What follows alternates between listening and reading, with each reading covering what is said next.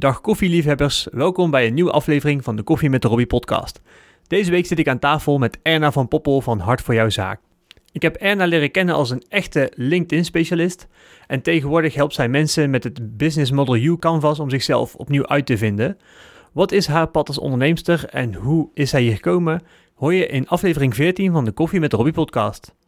Welkom bij de Koffie met Robbie podcast. Over ondernemen, verbinden en netwerken met Robbie van de Koffie. Helemaal goed. Welkom Erna, leuk Nou. dat je te gast wil zijn in de Koffie met de Robbie podcast. Dankjewel. Ehm, ja, ik stel mijn, vragen, mijn gasten altijd de vraag, ehm, zou je jezelf kort even introduceren? Nou, mijn naam is Erna van Poppel en ik ehm, heb jou leren kennen via een netwerkbijeenkomst. En eh, nou, dat is eigenlijk niet zo verwonderlijk, want ik hou heel erg van netwerken. Dus ik kom nogal wat mensen tegen bij netwerkbijeenkomsten.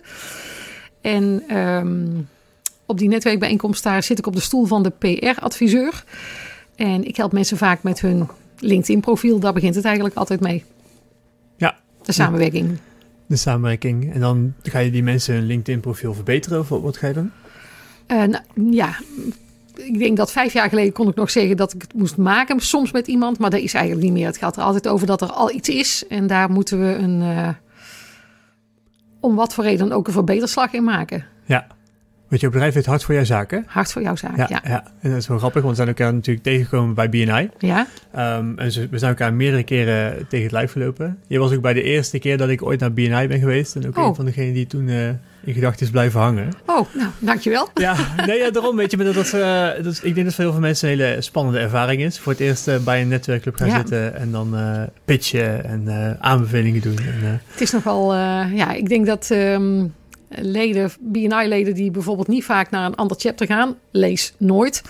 eh, die hebben dat gevoel ook eigenlijk nooit meer van hoe het is om ergens weer de eerste keer te staan. Want Ja. dat is, eh, dat vind ik een van de redenen waarom je eigenlijk verplicht bent om af en toe naar een ander chapter te gaan. Dan krijg je toch een soort van nog milde versie, want je weet het systeem al. Hè? Dat, eh, je weet gewoon wat er gaat gebeuren. Dat is Ja. al minder spannend, maar je moet wel dan 25 tot 35 nieuwe mensen even in je hoofd opslaan. ja, En onze gasten die voor de eerste keer überhaupt dat doen, die krijgen twee van die grote factoren in hun mik geschoven. ja. Of daar kiezen ze zelf voor. Dus ehm, ja, dat is ook heel spannend. Ik probeer me er ook altijd wel te blijven voorstellen hoe dat dan moet voelen als je daar dus voor de eerste keer eh, staat. Ja, en ik denk ook dat dat de kracht is hoor. Eh, als je zeg maar kan levelen met de mensen die voor het eerst binnenkomen, dat die denken van, oh, dat is, dat is fijn, dat is duidelijk, dat is een fijn iemand, die staat Ja, en ik, en ik vind echt dat, eh, dat iedereen daar die rond de tafel zit en die lid is, gewoon wie er ook aan tafel wordt uitgenodigd of wie komt.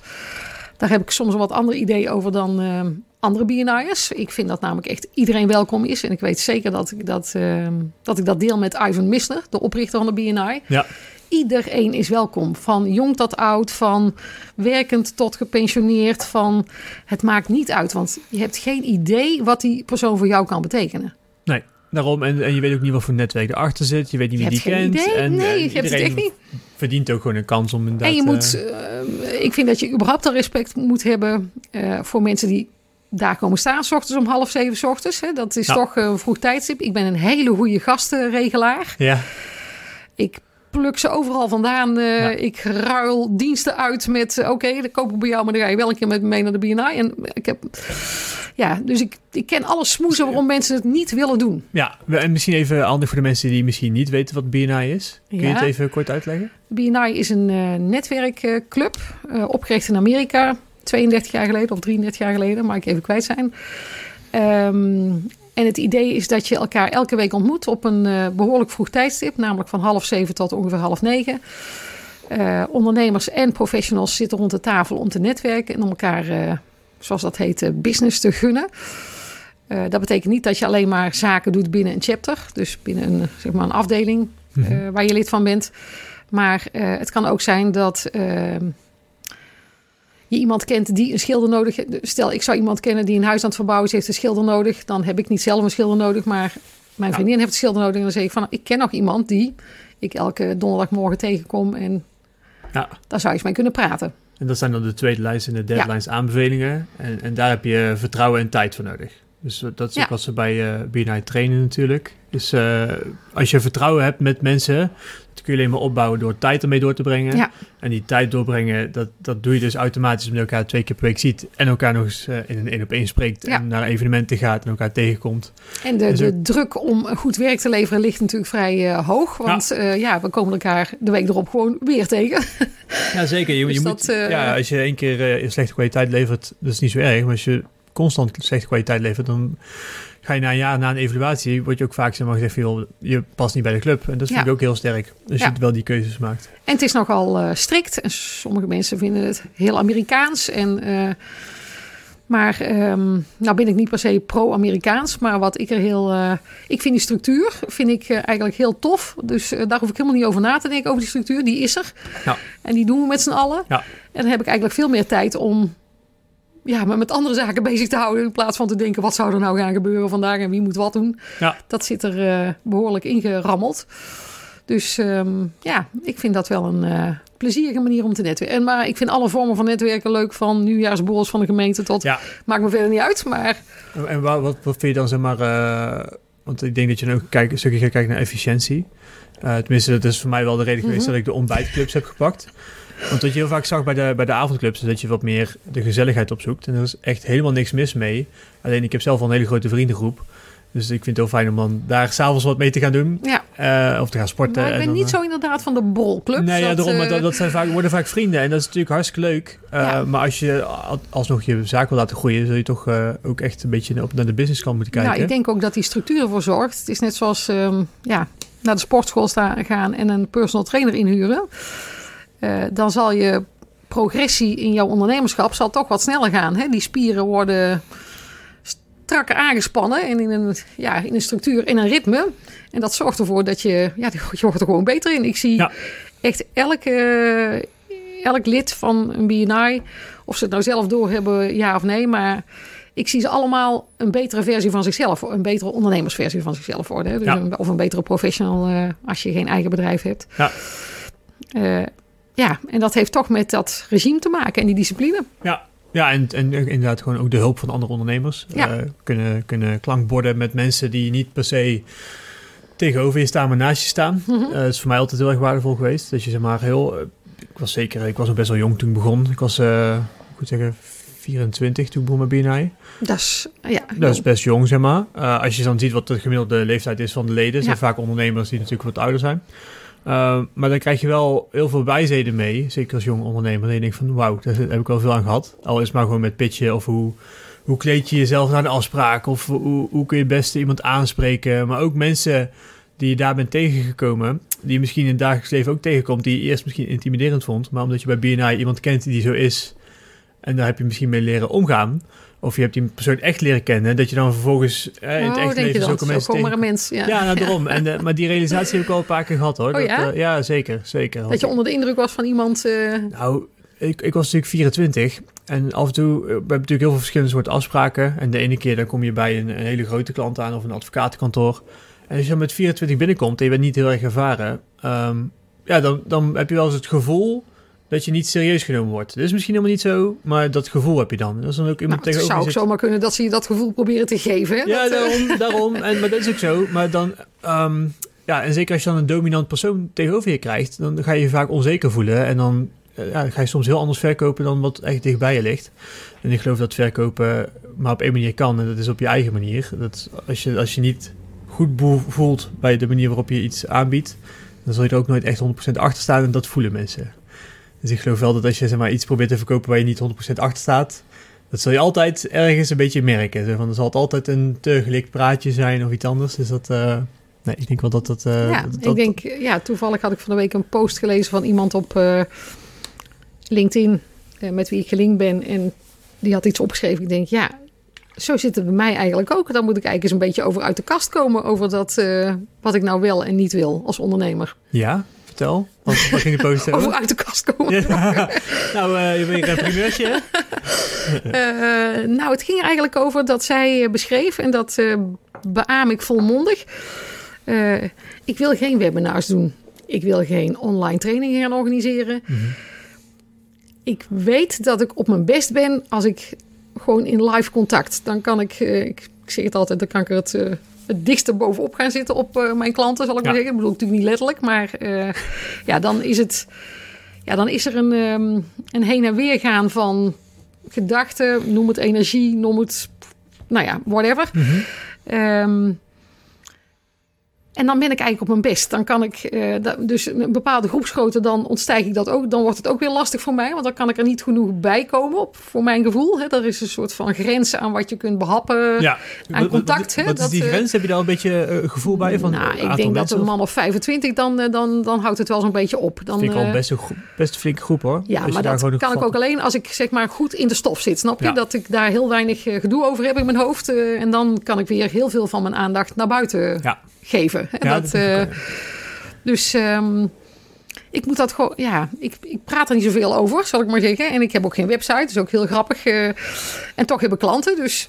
Maar dat gebeurt eigenlijk allemaal doordat ze mij of ontmoet hebben Ja. ergens bij een netwerkbijeenkomst, eh, of daar drie keer mee tegenkomen, of, of doordat ze door iemand op mijn pad zijn gezet die heeft gezegd van je moet ze met Erna gaan praten. En dan, ja, en dan vraagt ook nooit iemand aan mij, Erna, waar is jouw website? Nee, inderdaad. Grappig hè? Ja, ik vraag me ook af, zeg maar, ehm, als je zo persoonlijk in je business zit, of het dan ook echt nodig is. Nou, vorig jaar, dit jaar natuurlijk nog, ik zit al met mijn hoofd in 2020, eh, eh, kwam er wel een momentje van eh, de waarheid. Want toen bedacht ik dat ik ehm, eh, workshops met open inschrijving ging organiseren. Ja, en toen had ik ineens wel een plek nodig. Ja. Waar mensen naartoe konden om informatie te vinden. En eh, dus ik heb toen een soort van eh, begin van een website gemaakt. Maar dat is eigenlijk dus nog het enige wat er is. De rest heb ik mijn LinkedIn profiel. Dan mogen ze naartoe. Daar kunnen ze ook alles op vinden. Ja. En dus dat stukje, die informatie over die workshops. En nou, toen werd het weer stil. En de Ja. websitebouwer die, ja, die probeert begrip te hebben voor mijn gedoe hieromheen. Ja. ja. Maar is het omdat je denkt dat de website misschien het persoonlijke uit je business zal halen? Of, of heb je zoiets van, nou weet je, die kosten hebben gewoon geen meerwaarde? Of wat? Mm, Ja, ik denk dat ik in efficiëntie een beetje aan de andere kant van de schaal zit eh, van jou. Hè? Dat eh, in een bepaalde, wat niet wil zeggen dat ik niet efficiënt ben, maar ik kijk zo niet helemaal naar de wereld. eh, jij Nee. kijkt er anders naar. Nee, ja, ik heb wel inderdaad, ik moet zeggen dat ik het ook geleerd heb van andere ondernemers hoor. Ja. Ja. Eh, Het is de vraag of ik dat wil leren. Hè? Nou, daarom, eh, nee, dat is de dus keuze, ook een- uiteraard. Door, ik, denk, ik denk wel dat het een stukje van mijn energie weg zou halen. Weghaalt. Alleen ik merk gewoon, zeg maar, zeker omdat ik andere mensen aan moet sturen... ehm, ja, ja, dan zit je met een andere manier van... Dan zul je meer structuur moeten hebben... omdat het anders voor anderen niet duid- duidelijk of logisch ja is wat kant je wilt. Ja. En, en dat, dat is eigenlijk de enige reden dat ik het ben gaan doen. Want al zou ik alleen werken, dan zou ik ook... Ik zou ik ook geen website hebben, denk ik. Ik zou gewoon zorgen dat ik iedereen zie en ken. En dan... eh, ja, dus op die manier denk ik wel dat je, dat je wat dat betreft heel goed doet. Ehm, ik denk wel dat het bij jou past, dat ik zou zeggen. Ja. En zeker LinkedIn is ook een heel mooi medium voor jou om dan zeg maar alsnog te laten zien wat je kan en doet. Ja. En als je daar ook gewoon heel actief op bent, ja, mensen kunnen je daar ook op gewoon vinden. Ja. En, ook heel en daar ben ik actief op. Dus ik, Ja. hè, dus ik, dat, eh, daar zit, ik noem dat altijd het eh, verklikkersvakje op LinkedIn. Hè? Dat, eh, dan kun je iemands activiteiten zien. Ja. Nou, daar is bij mij altijd wel wat te beleven, zal ik Ja, nou daarom. Dat is, en dat is ook belangrijk, want dat is een beetje zeg maar van... Dat doe ik zelf ook. Als ik naar een LinkedIn-pagina van iemand ga, ga ik altijd even naar de activiteit kijken van oké, wat voor artikelen zetten ze online, wat voor artikelen delen ze, op wat voor mensen eh, hebben ze commentaar en, en ja, commentaar, eh, wat zeggen ze onder hun posts. En zo kun je heel snel al een beeld krijgen van iemand hoe iemand is. Zeker te weten. En Ja. ik heb ook het gevoel dat op LinkedIn altijd wel heel erg klopt. Tenminste, naar wat ik zie en hoe ik aangesproken word ook. Nou, je hebt, je hebt natuurlijk ehm, altijd eh, uitwassen hè, in dat opzicht. Maar ik, ja, ik, ik vind LinkedIn nog een behoorlijk eh, waardevol platform. Het enige waar ik me wel eens zorgen over zou kunnen maken... is dat ze toch... Kijk, uiteindelijk is het ook een commercieel ding. Hè? Ja. Dan moet iemand geld verdienen en, eh, Ja. met LinkedIn. Maar dat ze die fijne lijn die er bestaat tussen commercie en alles te grabbel gooien dat ze die eh, niet overschrijden, zoals Facebook dat gedaan heeft bijvoorbeeld. Hè? Dat, eh, Ja. Ik vind op LinkedIn, ehm, daar, zijn, daar wordt niet veel gekankerd of Nee. er wordt ook wel gemopperd over dingen soms. Hè? Prima, maar het is niet zo'n emotionele grabbelton. Nee, wat ik ook heel, heel mooi vind aan LinkedIn is dat zeg maar, ehm, mensen spreken elkaar aan op gedrag wat niet op LinkedIn hoort. Ja, Dat vind ik heel bijzonder om te zien. Het is heel leuk eh, dat je dit nou zegt, maar eh, zo'n, eh, zo'n, ik had laatst over over Dijkhoff van de VVD, dat hij dat wachtgeld, dat was ook een stukje van, met Mhm. zondag met Lubach, maar dat, dat, dat iemand had er een heel stukje over geplaatst op LinkedIn en van, en ik vind het echt triest dat zo iemand dat doet. En iemand anders, joh, weet je, dit is een zakelijk platform, je politieke uitingen zijn beter geplaatst op Facebook. En dan Ja. denk ik, oh, nou, dat vind ik al... Ja, nou staan Zeg. politie natuurlijk ook op LinkedIn. Hè? Dus Ja. het is... Ja, en dat Ja, is hun ja, werk, is het- hè? ja. Daar, ma- daar mag je iets van vinden. Maar inderdaad, dat hele geëmotioneerde, dat, eh, dat moet je misschien maar ergens anders doen. En moet je misschien helemaal niet op social media doen. Dat is nog een ander punt. Maar, Nee, ja, Twitter is eigenlijk misschien wel het beste platform. Want daar raak je een beetje verloren in alle andere tweets. Maar ja, het, het- social media is natuurlijk wel een manier geweest voor mensen om echt heel, heel dingen open te zetten. Uh, werk je al lang met, met social media platformen en doe je dat alleen maar of doe je ook andere dingen? Eh, nou, ik ben in 2000, 2003 is LinkedIn opgericht ehm, in Amerika. Dus met het is begonnen met ongeveer 4200 accounts. En ik ben in 2008 ergens aangehaakt. Toen deed ehm eh, Jeannette Badhoorn, daar heb ik een training gevolgd, eh, LinkedIn. Daar hield ze zich toen nog mee bezig. Die zit inmiddels in een heel ander domein. Ik zie me nog staan op een station van Ede, ergens in the middle of nowhere, op weg naar die training. Maar het, ja, het past zo bij hoe ik ehm, mezelf als werkend iemand zie. Dat ik, ik ben er gewoon denk als een blok voor gevallen. Ik denk, oh nou, dit is handig. Al die mensen die ik tegenkom, kan ik in mijn adresboekje zetten. Kom maar op. eh. Ja, dus ik vond het vooral ook heel handig. eh. en ergens gedurende die lijn ehm, bedacht ik... hé, hey, daar zou ik wel eens iets mee kunnen gaan doen. Mhm. Als, eh, hè, dus een soort van product ervan maken. Ik ben begonnen echt met met name één op één sessies... en trainingen voor groepen op afspraak. En eigenlijk pas het afgelopen jaar heb ik eh, eh, de sprong gewaagd... om eh, dus open inschrijvingen te doen. Omdat ik dacht van... oh, en al dat management en dat gedoe. Ja. Maar dat blijkt ehm, ehm, ja, toch ehm, beter te gaan dan ik eigenlijk had verwacht. Dus ik ga er in 2020 ook mee door. En wat er dan weer gebeurt, dat is weer een hele andere chemie dan een team van een bedrijf natuurlijk. Dan komen er in, in principe x voor elkaar onbekende mensen om de tafel te zitten. En ja, dan ehm, ontwaakt er iets in mij dat ehm, dan wil ik ze alleen maar laten zien, laten merken eigenlijk hoeveel ze met elkaar gemeen hebben. Mhm. Dat, dat vind ik eigenlijk het allerleukste doen, denk ik. Die LinkedIn is eigenlijk maar bijzaak. Dus Ja. van... ehm, want ik denk dat die, die attitude... dat gaat eigenlijk vooraf aan goed LinkedIn-gebruik. Mhm. Dus dat je een soort van openheid hebt naar de wereld. Hè? Dat wie je ook tegenkomt... die kan iets voor jou betekenen. Of jij voor hem of haar. Hè? Dat, je weet het niet. Nee. En eh, doordat ze dus huiswerk maken van tevoren en ik ze soms ook al wat beter ken, hè, dan ja, gaat er iets in mijn hoofd eh, ronddraaien, waardoor ik, ik allerlei verbanden zie wat ze voor elkaar al zouden kunnen gaan betekenen. Dus nog leuker als ze dat dus zelf ontdekken daar. Hè. Dus Ja. eh dan van, hé, hey, ze horen iemand iets zeggen van, daar heb ik ook iets mee. Of, god, bijzonder dat je het daar nu net over hebt, want daar zit ik ook mee. Of, nou ja, whatever. Dat, eh, Ja, en wat voor, wat voor settings heb je dat tot nu toe voor eh, gehad? settings voor gehad. eh, Ja, nee, ik bedoel, zeg maar, ja, dit is wat jij, wat jij leuk vindt om te doen. Maar je Ja. hebt dit al een keer gedaan. Want anders dan, hè, hoe, hoe, wat, wat, wat probeer je te doen, zeg maar? Dat is even voor mij een beetje onduidelijk. Nou, ze is sowieso ze natuurlijk wijzer maken over LinkedIn. Maar Ja. ondertussen gebeuren er nog allerlei andere processen gewoon Ja. tussen hen. Ik Mhm. wil dat ze op elkaars landkaart komen staan. Dat Ja. ze, Dus ook een beetje de mensen die bij jou zitten ook verbinden weer door ja, elkaar. ja, ja, eh, ja, door- dat, eh, dat is Ja. het liefste wat ik doe, denk ik Ja. eh, eigenlijk. Dat, is, nou, dat, is, dat krijgen ze er gratis bij. Dat Ja. is ook niet van tevoren... ja, ik weet ook niet precies wat er gaat gebeuren. Want Mhm. sommige dingen die... Daar kom ik pas achter op het moment dat ze uitspraken doen daar eh, ter tafel. Maar dan staat die motor hierboven al op volle toer te Ja. En dat gaat gewoon... Ja, daar kan ik niet eens tegenhouden, bij wijze van spreken. Nee. En is dat iets wat je altijd al hebt gehad? Dat je zeg maar die Nou, verbanden ziet? En, Dat vind ik dus leuk aan netwerken, snap je? Dat, ehm, ja, die verbanden zien. Dat, eh, ja, als je in een groep mensen staat, nou, laat mij maar los, zal ik Ja. maar zeggen. Dan, eh, Jij weet de verbinding wel te vinden. ja, Ja. En, ja. En, en, en ja, ik denk dat als mensen de moeite zouden doen, ehm, dat iedereen dat kan, zal ik maar zeggen. Maar ik wil dat zo graag, ergens iets in mij wil dat zo graag, dat, Mhm. dat ik daar heel vatbaar voor ben. Ja, En andere mensen zien het niet eens. Terwijl ze, zo, ze krijgen dezelfde informatie, maar het, het land nergens. En ik denk dan van, hm, dat is bijzonder. Dat, nou, misschien moeten jullie dus met elkaar praten. En hoppa. ja. Dan zie je in één keer die verbinding. Dat is wel, is het iets wat je altijd hebt gehad? Of heb je dat ontwikkeld sinds het netwerken? Nee, dat, eh, dat, eh, ik, eh, ik heb in Amsterdam gewerkt. Ik heb Nemo mee neergezet. Dat grote museum wat in Amsterdam eh, staat. Mhm. En ehm, we hadden daar een Amerikaanse collega, Peter. En die zei altijd, eh, Erna is de glue van de organization, zei hij. Eh, dus Oh, ja. eh, ik deed daar de PR voor. En later ben ik hoofd van de vloerstaf geworden.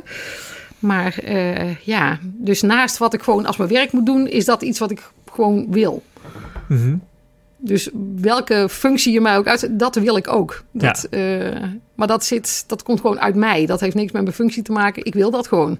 Nee. Dat, Dat, is wel- mensen bij elkaar, dat ze ja, gemeenschappelijkheden in elkaar ontdekken. Ja, dat is wel echt jouw drijfveer.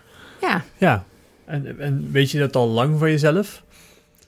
nou ongeveer sinds Peter dat zei. Ja, oh ja, was Peter daar eh, de Ja, verbinding die Pieter, nou die zei toen van Erna is de glue, hè, die is de Ja. lijm van de organisatie. Hè, die, Ja, Dus ehm, ja, ik ben, ik heb daar echt een eh, geweldige tijd gehad in eh, Nemo. ja.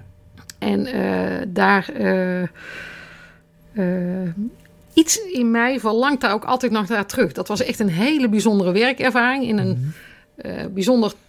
Eigenlijk een beetje, ik was een beetje zo oud als jij nu. Hè? Mhm. Dat is toch een bijzondere tijd in je leven. Je hebt nog energie voor 800, zal ik maar zeggen. En eh, je wilt nog van alles. En ja, je bent heel vatbaar nog voor dingen. En in die tijd was ik dus met een team mensen die eigenlijk allemaal hetzelfde wilden als ik. Namelijk een nieuw centrum neerzetten in het Ja. centrum van Amsterdam. Eh, dus we hebben eigenlijk allemaal samen een soort van baby gecreëerd. eh, dat Ja. ding wat daar stond. eh. ja. Ehm, ja, en als je daar dan een aantal jaren mee bezig bent met die baby maken en daar bepaalde ehm, graden van vrijheid krijgt, waarin je ook dingen mag onderzoeken, uit mag gaan zoeken, naar het buitenland mag, om bij andere science centers te kijken. Ja, dan, ja dat, is, dat is heel bijzonder. Eh, Ja. En dan staat het er op een gegeven moment en dan gaat de voordeur open. Hè, dat is ook nog zo'n. eh, dus eh, de baby is ja, letterlijk zeker. geboren. Ja, ja. En dan, en dan mogen mensen er ook iets van vinden. Dat, ja, dat, dat is een hele sterke ervaring. En vooral ook dat gevoel dat we dat ja, toch op een of andere manier samen deden. Dat, dat was zeg maar een groep van een man of 25 Mhm. die dat echt hebben getrokken. Nou, iets groter, een man of 40 denk ik wel. Ja. Hoe ben je daar terechtgekomen? Eh, doordat ik bij de Rabobank Nederland eh, de assistent van de assistent van de voorlichters was. En elke dag alle landelijke dagbladen door moest eh, bladeren. En zo zag ik het parool. Ja. En dat had ik anders nooit gezien, want het Parool is natuurlijk, ja, ze noemen het een, dag, een landelijk dagblad, maar het is natuurlijk een Amsterdamse krant. ja. Maar die zat daarbij en ehm, daar stond een advertentie in, een oproep voor ehm, een PR-medewerker voor Technologiemuseum Nint. En na enige hobbels eh, ben ik daar aangenomen en heb ik die hele bijzondere tijd aan meegemaakt. Ja, ga voor. Ja, was echt gaaf. Ja. Ja. dat geloof ik wel, ja. En het, eh, hebben ze heeft zo'n centrum heel veel middelen die we dan... Want het is natuurlijk iets wat moet beginnen. Eh, want het is echt op de techniek, hè. De technologie van de toekomst is een beetje... Wat nemen we altijd... Nou ja, het Technologiemuseum Nint was een museum in de Tolstraat in Amsterdam. Is een zijstraat van de Voorhouwstraat. En daar hadden we al eigenlijk 100.000 bezoekers. Dus dat was al op een absolute C-locatie, zal ik maar zeggen. Dat eh, was nou niet echt in de, in de loop van de toeristen of zo. Nee, nee, maar toch wel heel knap dat het zo eh, goed Ja, is. en dat is denk ik een van de redenen waarom het uiteindelijk ook ehm, in Amsterdam gelukt is. Want er waren meer eh, kapers op de kust. Rotterdam, Delft, die wilden ook allemaal dat geld binnenhalen zeg maar, om dat te kunnen doen. Ja. Maar wij hadden dat museum al met 100.000 bezoekers. Ja. En een goede PR-functionaris die ervoor zorgde dat de wereld dat ook wist. dat we dat hadden, dat was ik dan. Ja, En ja, vanuit daar is er gebouwd aan een nieuw centrum met een wereldberoemde architect. En eh, heel de... ja, iedereen kent het gebouw wel. Ja. Als je in Amsterdam bent geweest, dan eh, Ja. zeker in het centrum, dan kom je er zeker voorbij. Het is ook heel, heel sprekend. En ik ken het ook. ik moet eerlijk, eh, eerlijk vertellen, ik ben er nooit geweest. Maar je kent het van buiten. ja. Maar, ik ken het, maar ik weet, en ik weet wat ze willen doen. En ik heb er wel eens iets van voorbij zien komen. Dus hè, wat dat betreft hebben ze heel goed op elkaar gezet in Nederland. Dat Ja, bestaat. maar toen wij dus open gingen, toen, eh, ja, toen eh, brak er wel een wat vervelende tijd aan. Want eh, toen eh, zijn we toch eh, een beetje in de problemen gekomen... doordat er eh, ja, niet helemaal de bezoekcijfers werden gehaald die we gedacht hadden. Mhm. De overheid had gezegd, jullie krijgen geld om het neer te zetten... maar geen geld om het te exploiteren. Dus we stonden een beetje met onze rug tegen de muur. Surseance van betaling terechtgekomen. Zo. En na een aantal maanden, dat is wel zeg maar, dat was al meer dan een jaar nadat ik daar, eh, eh, dat het open was hoor. Dus niet Ja. na- na- op dag twee Nee, of zo. nee, zeker. Maar ja, weet je, je gaat eerst kijken of je de aantallen haalt of die je wil halen. Ja, En dan, eh, nou dat lukte dus niet. ehm. nou ja, na een aantal maanden surseance van betaling, ja, wat gebeurt er dan? Dan gaan mensen uit zichzelf weg. want dat is, dat is een afschuwelijke situatie. Dat is... Ja.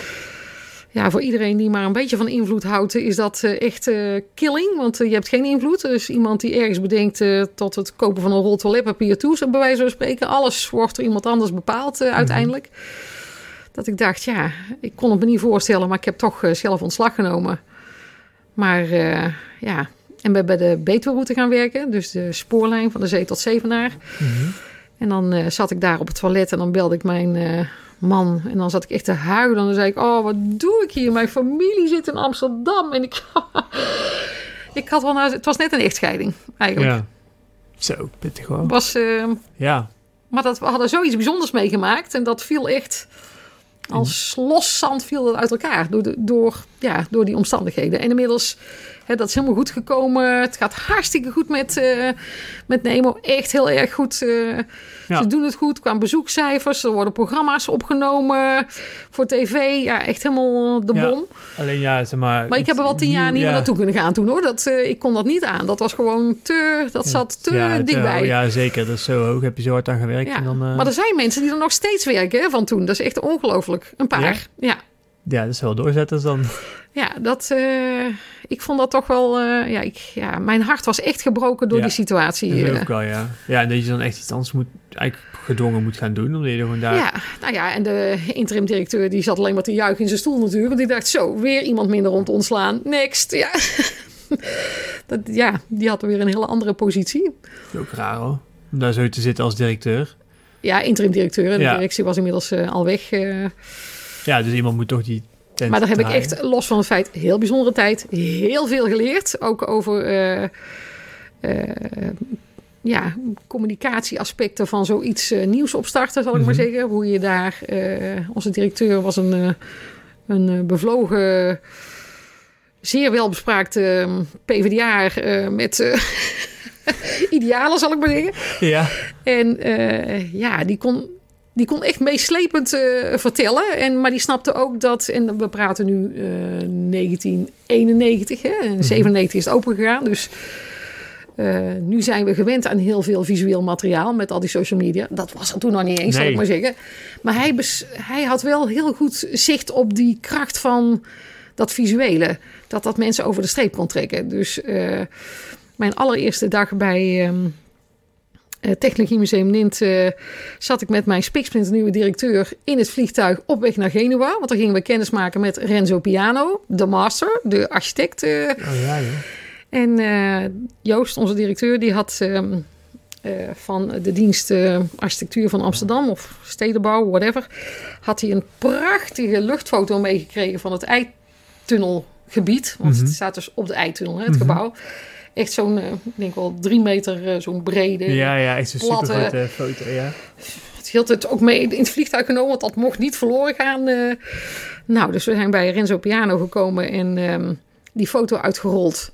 We zijn, ik denk uiteindelijk drie dagen daar geweest. En elke dag hadden we even kort of wat langer een gesprek met hem. En we zijn een paar keer met hem uit eten geweest. eh. Maar die foto bleef daar hangen. Terwijl van alle andere mensen die daar in en uit gingen. Het was een soort van wachtkamer. En dan zag je weer iemand eh, met zijn, eh, zijn kokertje naar binnen gaan. Ja. Maar dat werd iedere keer punaises eruit. Opgerold en weer mee. En die van ons is daar gewoon drie dagen blijven hangen. Oh ja. Want hij was, ge- ja, hij was erg getriggerd door de plek. Dat Dus vond hij echt helemaal ja. de bom. Was er Ja. toen ook al zo'n platform waar het op staat? Dat is natuurlijk wel eigenlijk een beetje... Ja, ja, want dat is het begin van de tunnel. Hè. Dat is eigenlijk een soort van... Het was een pier. Mhm. En daar gaat de tunnel daaronder naar beneden. Dat, eh, en dat vond hij... Hij was op dat moment ook bezig met een... eh, een kunstmatig eiland waar een luchthaven op gebouwd werd. In eh, Japan, Kansai Airport. Dus dat was ook heel bijzonder. Hè, want Ja. er was niks en er werd iets aangelegd. En daar mocht hij dan iets op neerzetten. Ja, Maar dit was iets wat zweeft, want de tunnel zweeft natuurlijk. En daar moest een gebouw op geconstrueerd worden. is wel een vond gave hij, eh, uitdaging voor En er zit een hele flauwe bocht in. Dus het gebouw is ook niet recht. Er zit een soort van draaiing in. Ja, Dus eh, ja. En daar heeft hij uiteindelijk eh, ja tegen gezegd. Eh, natuurlijk eh, zei hij in het gesprek, Joost, zei hij dan, money is not a problem. Ik kon heel goed Engels. Ja. En, ehm, maar ja, er was natuurlijk wel iemand die de financiën deed. Dus die, die, mocht, al die, die mocht dat oplossen. Zo. Maar Renzo praatte niet over geld natuurlijk. Dat is niet Nee. chic. Nee, en niet in zijn... Als je op zijn niveau opereert, dan, dan heb je het daar ook niet over. Nee. Want dan, dan ga je geen concessies doen. Dan ga je echt Nee. een kunstwerk neerzetten. En eigenlijk zijn allereerste... Dus we zaten tijdens een dinertje daar eh, s'avonds. eh, toen had hij een servetje gepakt. En toen zei hij... zei hij van, nou, zei hij, eh, teken een lijn zo. Dit is de horizon, zei hij. En dit is de tunnel. En de spiegeling daarvan is eigenlijk het gebouw. En zo is het gebouw ook geworden. Hè, dus het loopt, wij spreken, in dezelfde gradatie naar boven... als dat de tunnel naar beneden loopt. eh. Mhm. En dat was zijn eerste beeld bij wat voor gebouw het moest worden. Ja, bijzonder. Heel bijzonder. Ja. Ja, Nou ja, dat soort dingen maakte ik daar dus mee. Hè? Ja, Ja. Dat, daar wil je eigenlijk altijd wel meer van. ja, zeker. En ik denk ook wel dat het is bijna niet te doen om daar gewoon constant je werk van te maken. Of je moet inderdaad echt in een bepaalde business gaan zitten. Ja. Maar wel super gaaf om zoiets mee te maken. Zo'n Ja, ik kon wereldproject. niet helemaal, die, die wereldberoemde architect kon je helemaal, helemaal voldoende waarderen op dat moment. Want alles was nieuw, snap je? Het was een nieuwe baan. Voor het eerst van mijn leven eigen visitekaartjes. Nieuwe directeur. Ik had overnacht in Amsterdam. Het was echt... Ik Ja. stond, ik stond één ton keer, en dan ja. ook nog een wereldberoemde architect. Ja, het was bijna, Bijna te veel. ja. ja, maar dat, dat- inderdaad, maar dat kan je wel overrompelen, denk ik. Als je dan maar hè, net een nieuwe functie, je hebt toch die functie gekregen en dan pas je moet een keer echt, gaan schakelen. Ja. Ja, want wat deed je daarvoor? Eh, was ik de assistent van het assistent Oh ja, van de ja, voorlichting ja, de Rabobank Nederland. Ja, ja, Dat was een eh, eh, uitzendbaan. eh, nou ja. Nou weet je, het is ook goed, goed. En dan, ja, hoe ben je dan toch aan die functie gekomen? Want het is wel een hele andere functie als de assistent van... omdat ja, eh, communicatie was wel echt mijn ding. Ja, En eh, ik denk wat ik eh, heel leuk vond aan ehm, het Technologiemuseum Nint. En dat, vind ik nog steeds, dat herken ik nog steeds bij mezelf. Is dat ehm, eh, wat ik daar leuk aan vond, was dat ze zeiden dat ze, als het over eh, energie ging bijvoorbeeld, dat ze dan het hele veld aan mogelijkheden wilden laten zien. Hè? ja. eh, aan mogelijkheden, maar ook aan voor- en tegenstanders en voor- en tegen argumenten. Ja. En ik dacht, ja, daar, ehm, daar wil ik bij horen. Van die, dat brede kunnen kijken, dat vind ik, ja, dat vind ik heel fijn. Dat Ja. vind ik me heel, eh, ja, misschien kun je daar ook wel zo goed jezelf ehm, kansen zien. Omdat je jezelf heel goed in onze schoenen kan zetten. Omdat je, als je heel het spectrum bekijkt, dan moet je ook het op, eh, van de Nou, dat- positieve kant van de negatieve ik, kant kunnen ik bekijken. hoop altijd dat ik, eh, dat ik eh, klanten waar ik mee rond de tafel zit. eh, natuurlijk, hè, het is, ze mogen helemaal de weg nemen die ze in gedachten hadden. Maar ze komen toch vaak bij mij als er iets moet veranderen. Dus of ze willen iets veranderen, Mhm. of ze moeten iets veranderen. Ehm, dat ik probeer dat veld een beetje groter te maken. Waardoor ze zien dat er meer mogelijkheden zijn. Dan kun je nog steeds naar je initiële keuze teruggaan. Maar dan Mhm. heb je in ieder geval even rondgekeken. Begrijp je dat verschil? Ja, Dan dat je er maar weer instapt, eh, wat vaak toch uit patronen of gewoontes voortkomt. eh. en als je even stil blijft staan en je kijkt eens even rond je heen. Ja. En maar ik- soms lukt dat niet meer. Hè? Soms zit je zo in je eigen dagelijkse dingetje dat het gewoon heel moeilijk is om de, Geloof de me, kansen ik- te ja, zien die dichtbij staan. Ja, maar ik denk eigenlijk dat de oplossingen vaak heel dichtbij zijn. Mhm. Veel dichterbij Ja, dat, dat er een van de gedachten is om niet naar een oplossing of niet naar iets anders te gaan kijken. De gedachte dat het heel ver of onbereikbaar is. Terwijl ik geloof meer in. ehm, eh, laat maar maar eens zien wat je hebt. Hè. Laat, eh, wat je, leg het maar eens op tafel en dan gaan we eens kijken. Ik heb een eh, favoriete filmscène. Die is uit ehm, een of andere, volgens mij heet die Apollo 13 eh, Ja. film. Mhm. Je moet maar eens opzoeken op YouTube. Want je kunt hem zien, dat is een scène, dan, dat is echt gebeurd. Hè? Dus zij zitten daar, ergens, heel ver weg, bij de maan in de buurt. Ja. En ze hebben een probleem. Er is iets eh, met de zuurstof volgens mij eh, aan de hand. Eh, nou, dat is vrij essentieel, hè? want zonder Ja. zuurstof kunnen mensen niet leven. Dus, en het, het begint een beetje nijpend te worden. Maar ze kunnen het niet oplossen. Onder andere waarschijnlijk doordat ze niet meer zo goed na kunnen denken... omdat er steeds minder zuurstof komt. Hè? Dus het is een beetje kip en het ei. Dus zij melden dat naar beneden, naar de NASA. control. En dan zegt eh, een of andere projectleider die zegt: Ik wil alles hebben nu wat er los zit of los kan in dat voertuig waar zij in zitten. En dan komen ze met eh, drie dozen met eh, van pleisters tot toilet. Nou ja, alles wat er maar los is. En hij zegt: En ik wil dat dit ronde stuk op dit vierkant past. En jullie gaan dat nu maken. Je zorgt dat het goed komt. eh. Dus op de grond wordt eigenlijk bedacht wat de oplossing is voor hun probleem. En dat wordt zeg maar weer gecommuniceerd en ze komen weer veilig terug. Ja. Dus ik hou ervan van wat ligt er eigenlijk allemaal? Ja. Al loszittend materiaal. Oh, ja. En hoe kunnen we dat nou eerst met elkaar verbinden zodat het weer gaat lopen? Ja. En ja, echt, iedereen die bij mij aan tafel zit, ik zeg altijd: jongens, jullie zitten op een Mount Everest aan informatie alleen omdat het jouw leven is, je ziet het gewoon niet meer. Hè? Nee. Je ziet eigenlijk niet meer die stukken. En ehm, er is ook wel eens iets een soort van weerstand tegen het verleden. Ken ik al, heb ik al gedaan. oh. Weet je wel, of ik, ze hebben er iets op geplakt van een idee dat ze iets hebben meegemaakt wat ze niet prettig vinden, waardoor dat maar niet meer bekeken mag worden. Kun je er ook iets bij voorstellen? Ja, zeker, Dat, eh, hè, een ja. vervelende ervaring. Ja, Wegblijven? Ja, fouten die je hebt gemaakt. Nou, ik denk dat ook heel veel fouten delen, dat het ook heel krachtig kan zijn. Dat het Ja. ook content is. Ik denk dat, ook, dat er heel veel vormen van content zijn. Alleen, Maar voor de oplossing van een probleem, hè, dus eh, Ja. vaak ligt er in het verleden ook een, so- een stukje van de sleutel. Ja. Iets wat wel goed is gegaan, dat misschien een totaal andere situatie, maar dat je, als je dat weer terug kunt pakken, Ja. ehm, hè, dat, dat dat helpt om weer bij een oplossing te komen, waardoor je weer in beweging kunt komen. is het zo dat... ehm, ik raak zelf een beetje... eh, ik haak altijd af als mensen op LinkedIn of op een welk platform dan ook... ehm, heel plat over hun eigen producten spreken. Mhm. Uh, want dat is vaak de eerste content die mensen zelf verzinnen. Van, oh, ik, eh, in mijn geval, ik heb een nieuwe koffie. Kijk, hier mijn nieuwe koffie. Hij smaakt zo, zo, zo. Lekker hè, wil je hem kopen? Zo'n zo'n eh, boodschap die er uiteindelijk is. En die kun je dan heel mooi verpakken. Maar eh, iemand zijn eigen product neerzetten, klaar. En dan weer, dat is weer een post. Ehm, merk je dat daar...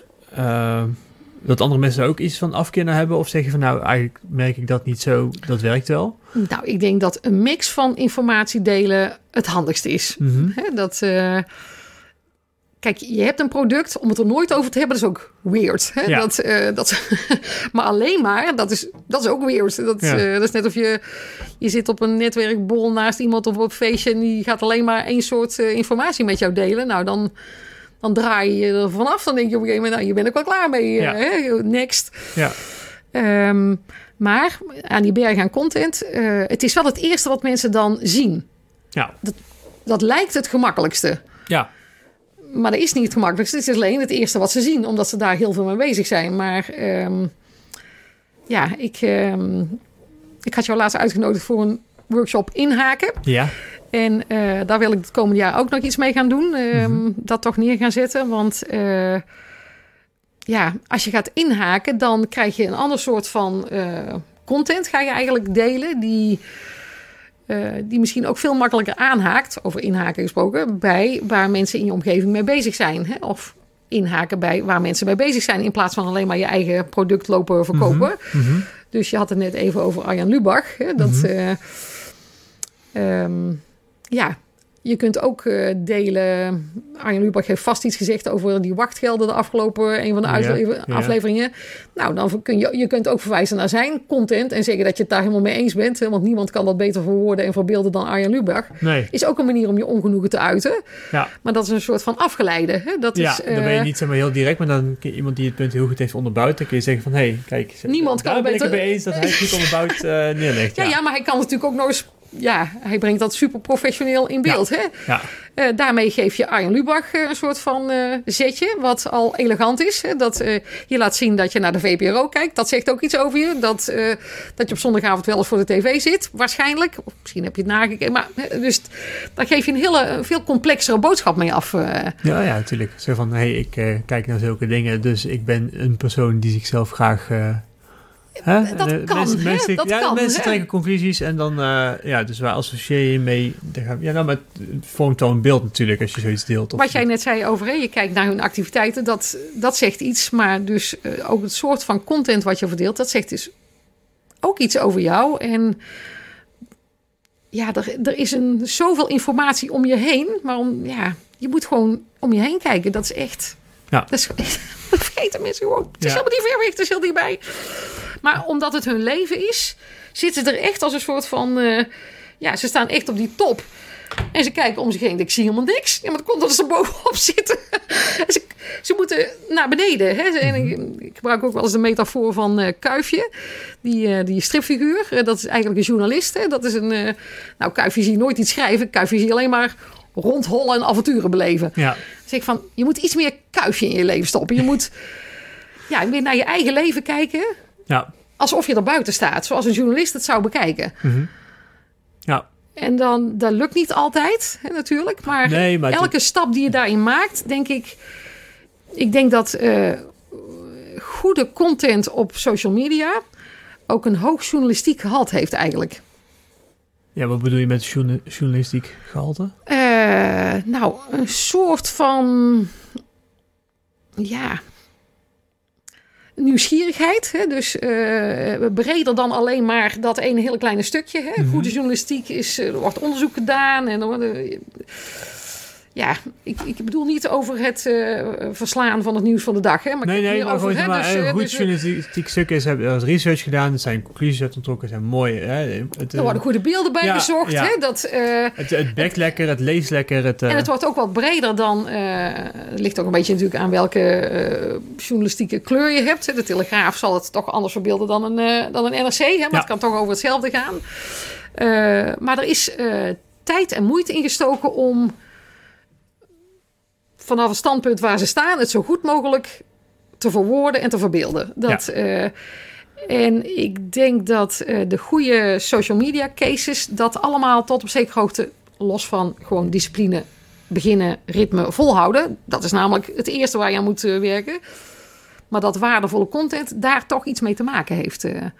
En dat gaat niet om foutloos Nederlands. Hè. Daar gaat het niet om. Het gaat erom dat je ja, je eigen dingen toch in een wat breder perspectief plaatst. eh, zoals Ja. een journalist dat zou doen. Ja, dus inderdaad eh, meer vanuit het punt van de samenleving en niet per se... Nou ja, gewoon breder. Je staat, Ja. je staat altijd in een veld. Je bent helemaal geen speldenknop in het niks. Je Ja. bent een speldenknop in een heel groot veld van speldenknoppen. En wel tien speldenkussens. En ja, Ja, gaaf. Een mooie blik op de wereld hoor.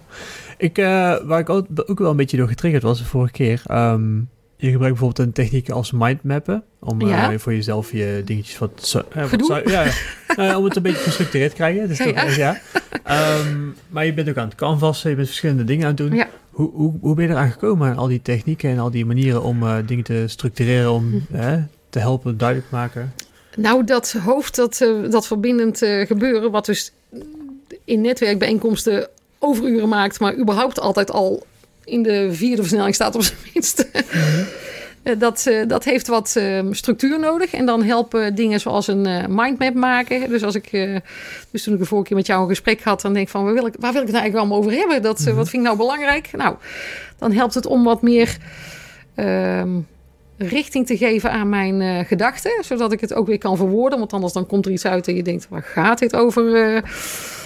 En het business model canvas, wat hier achter mij hangt, dat, ehm, ja, dat heb ik leren kennen in de training van iemand anders. En daar hoort een boek bij. En dat boek had ik gelezen. En toen dacht ik, hmm, wat hier aan ehm, eh, huiswerk wordt eh, uitgedeeld in dat boek. Je moet allerlei, kunt allerlei opdrachten maken. Mhm. En de vragen worden er gesteld aan jou. Eh, dat lijkt wel een beetje, dat lijkt wel heel erg veel op wat ik van mijn klanten vraag. Wat ze aan huiswerk moeten doen voordat ik met hun aan hun LinkedIn profiel werk. Oh ja? hey, iemand anders heeft het ook verzonnen. Nee, iemand anders heeft het nog veel beter verzonnen dan ik. Ehm, en ehm, toen ben ik het natuurlijk, eh, nou toen, natuurlijk, toen ben ik een training gaan volgen bij Tim Clark. Dat is de grondlegger van Business Model U. Dat Ja. is een variant van Business Model Canvas. Ja. Ehm, en dat was twee dagen in Amsterdam. Nou, het was natuurlijk al leuk om weer even in Amsterdam te zijn. Dan gaat mijn hart toch altijd een beetje open. Ja. Ik, oh, hier. Ja, ik weet hoe. Ja, het is heel leuk om daar. Ik zou er niet per se willen wonen nu, hè, maar het is wel heel fijn om daar te zijn en te weten hoe die stad in elkaar zit. Hè? Ja. Het voelt toch Ik een weet- beetje als eigen. Ja, je ik weet waar ik ben ten ja. opzichte van iets anders. Hè? Dat is toch anders dan als toeristen. Je hop meteen die Ja, oh, damrak. straat. Ja. Ja, ja. Dus dat, ehm, dus dat ging mijn hart al van open. En toen zaten we in een prachtig gebouw naast het Centraal Station op de 20e verdieping of zo. Dus ook nog met een heel mooi uitzicht. En daar zijn we twee dagen bezig geweest met het canvas. eh, om het zelf als student en als eh, leraar zeg maar, te, te ervaren. En toen vroeg je de tweede morgen vroeg je van nou... eh, Dames en heren, was trouwens een totaal internationaal gezelschap wat daar rond de tafel zat. Was ook heel leuk. Dus mensen Ja. uit eh, Arabië, uit eh, Polen, uit eh, eh, Nederland, een aantal. eh, maar die waren echt niet in de meerderheid. Dat, er waren er een aantal, maar het was echt heel internationaal. Dat vond ik ook alweer leuk. Hè? Dat is Ja. weer breed. Oh, we zijn allemaal bij elkaar. En toen vroeg je, wat vonden jullie nou van gisteren? En toen zei ik, stak mijn vinger op en zei ik... ik wil jou zijn, zei ik. Ik wil Tim Clark zijn. en ik bedoel natuurlijk niet dat ik Tim Clark wilde zijn, maar dat ehm, hoe hij die dag daarvoor tussen ons inliep hè, en met ons bezig was, dacht ik van ja, daarvoor, ik weet zeker dat ik dat heel leuk ga vinden. Zo, eh, ik heb namelijk een kookstudio gehad en dit leek een beetje op kookstudio, maar dan zonder tomaten, zeg maar. Ja, nou inderdaad gewoon mensen helpen om, om zeg maar, iets voor elkaar te krijgen. Ja, Eh, en ze bijsturen waar nodig en ze dingen laten zien waar complimenten nodig. En- geven ja, en ja. aanmoedigen en Ja. eh, hè, even nog wat feedback geven en een zetje en een beetje weghouden en daartussendoor lopen en dat soort dingen doen. Ik denk ja, ja daar, daar ben ik toch wel heel erg voor gemaakt. eh. Ja. ja, Ja, super gaaf. ja, fijn leuk. dat je dat zo snel hebt gevonden, maar dat je dan ook zeg maar, daarop doorgaat om dat te trainen. En ik denk dat je ook een hele goede... Ja, ik heb het dus wel even laten liggen, hè, want in 2016 heb ik die training gedaan. En Mhm. eigenlijk ben ik nu pas eh, toe aan eh, mijn tweede uit de kast komen. Omdat namelijk dat, ja, dat dit ehm, ja, iets is waar ik mee, iets mee wil gaan doen. En ik wil het eigenlijk ook meer gaan koppelen aan dat LinkedIn gebeuren. Mhm. Eigenlijk zie ik het idealiter voor me dat eh, we voortaan eerst bij elkaar komen. Of in een groepje of één op één. Gaan we dit doen, hè? dus het Mhm. canvas invullen Mhm. dan aan je LinkedIn-profiel werken. Want het is namelijk heel handig om te weten wat je wilt voordat je het gaat invullen. Hè? Dat Ja. is, eh, nu gebeurt dat een beetje gelijk op. Maar mijn man die heeft me er eigenlijk een beetje wakker voor gemaakt. Want die zei, eh, Erna, zei die, als jij met die LinkedIn bezig bent... want ik geef ook wel eens eh, zeg maar één op één sessie bij ons thuis... dus dan ergens eh, in de Ja, hoort hij wat ja, voorbij komen. Ja, Dan zegt hij, dat gaat eigenlijk helemaal niet altijd over LinkedIn. nee. Ik zeg, nee, daar heb je eigenlijk wel gelijk in. Maar dat, ja, Ja, het is, het, is- het is zeg maar... ehm, is LinkedIn vooral door de netwerkclubs gekomen? Omdat je dan zeg maar vervolgens daar... dat het heel duidelijk is? Of Nou, je het is eigenlijk, het, het lijkt op een bepaalde manier lijkt het hierop. Het is een structuur die er is. En als we die gewoon van A tot Z doorlopen, dan, hebben, dan is er van alles aan de orde geweest. eh. Ja. ja, los van precies wat erin staat. Maar ja, als ik dat met iemand doorlopen heb, dan heb ik een heel aardig beeld bij eh, hoe ehm, naar buiten gaan bereid iemand is. Hè? Dus, Ja. eh, want je kunt het allemaal wel zeggen, maar dan, dan voel ik al echt of ze dat ook waar gaan maken. Hè? Want Ja. je kunt wel zeggen, ik ga het doen.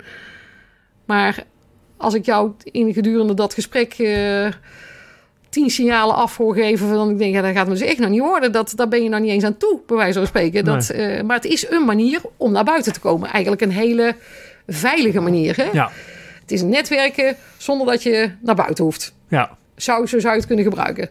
Ik denk dat het het sterkste is als je zowel je presence daar als je gedrag in het netwerkveld eh, in, de, in de echte wereld, als dat heel goed, heel dicht tegen elkaar aan ligt. Hè? Dus hoe je daar handelt, dat dat heel erg lijkt hoe je in het echte leven wordt ervaren. Ja.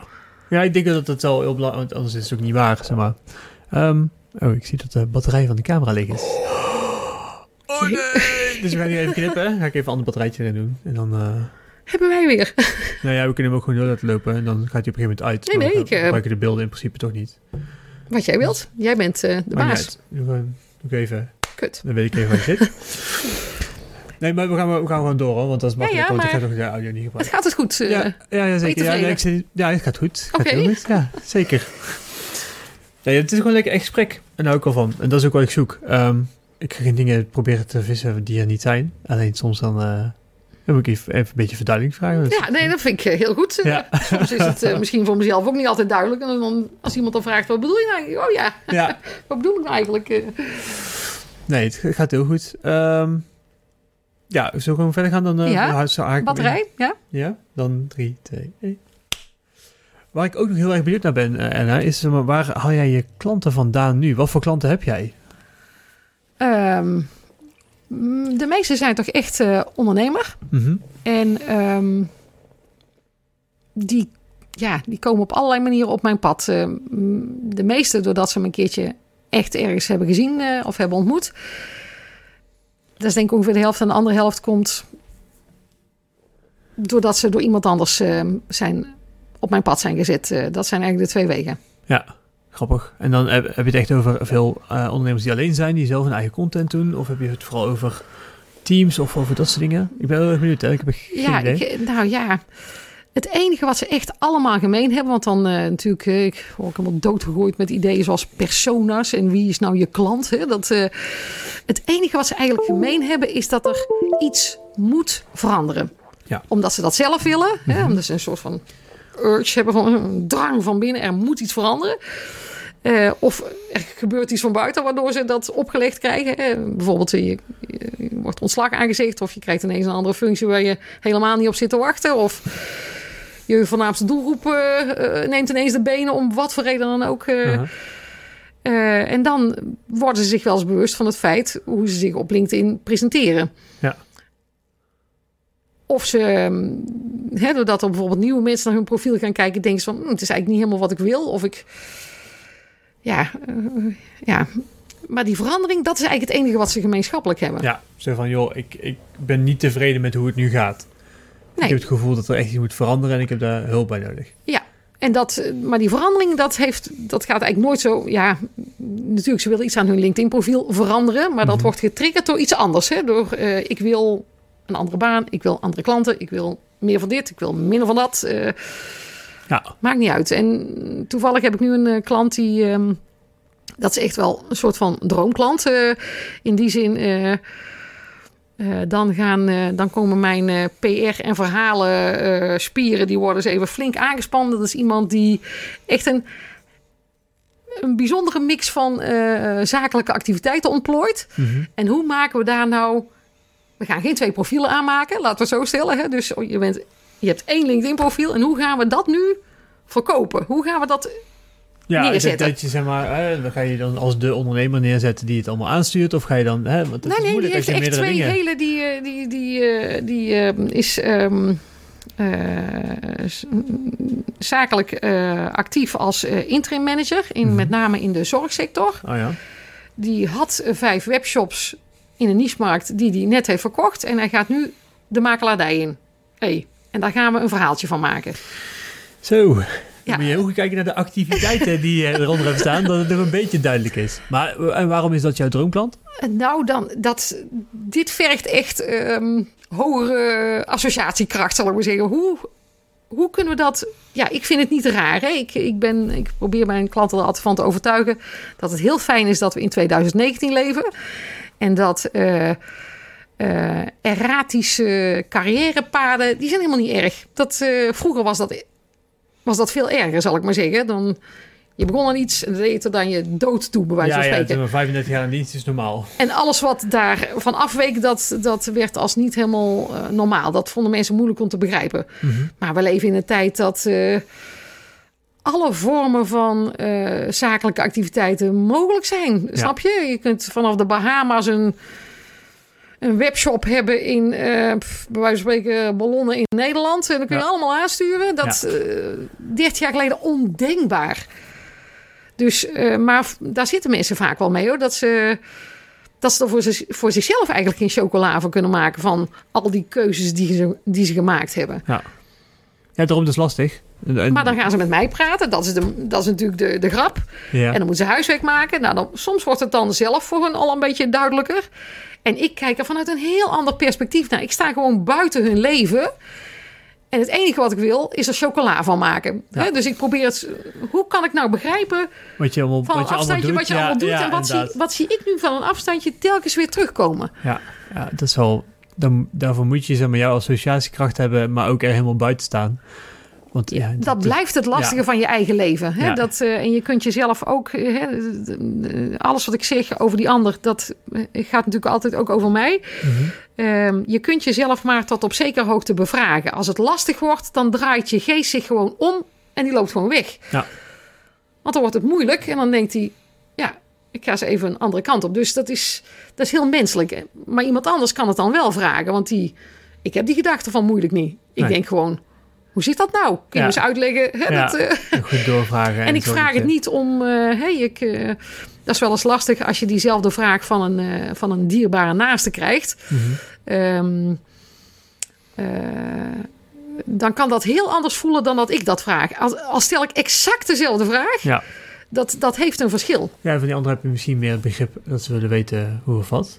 En Dat, dat is al, hè, jij weet toch al wie ik ben, dus waarom vraag je dat? En bij jou is het maar, oh ja, ik leg het wel even uit. Ja. Ja, en, en, en ook, eh, ik heb geen belang bij het antwoord. Nee. Dus Alles is goed. Hè? En dat is bij naasten ook wel eens wat Lastig. lastiger. Ja, vooral, eh, hè, er is toch, eh, als jij ineens besluit om eh, een half jaar sabbatical te nemen en te leren ballonvaren. Nou, eh, hè, ik, ik zie het thuisfront al ja, toch dat met een hele andere onbetrokken. reactie dan jij van hoe ga ik dit nou, nou op... dat vorm te gaan geven. ja. En hoe wil je dat aan de wereld gaan communiceren? En ik vind het belangrijk dat, ehm, dat klanten voelen dat ik, ehm, ehm, of merken, voelen, dat, ehm, kijk, je zakelijke identiteit is een van de vele rollen die je speelt. Dat, eh, Mhm. Die kan in het gesprek met mij staat die redelijk vooraan. Dat, want ja, dat is waar we het over hebben, over jou. Als je mijn klant Robbie in zijn zakelijke hoedanigheid. Ja. Maar ik besef ook dat jij breder bent dan dat. Hè? Je hebt en uh, wat ik maar opmerk van wat er nog links en rechts uh, meer omheen deint. Ik snap dat we daar tot op zekere hoogte ook rekening mee moeten houden. Dus als ik jou nu hoor zeggen, ik wil elke week een podcast. Mhm.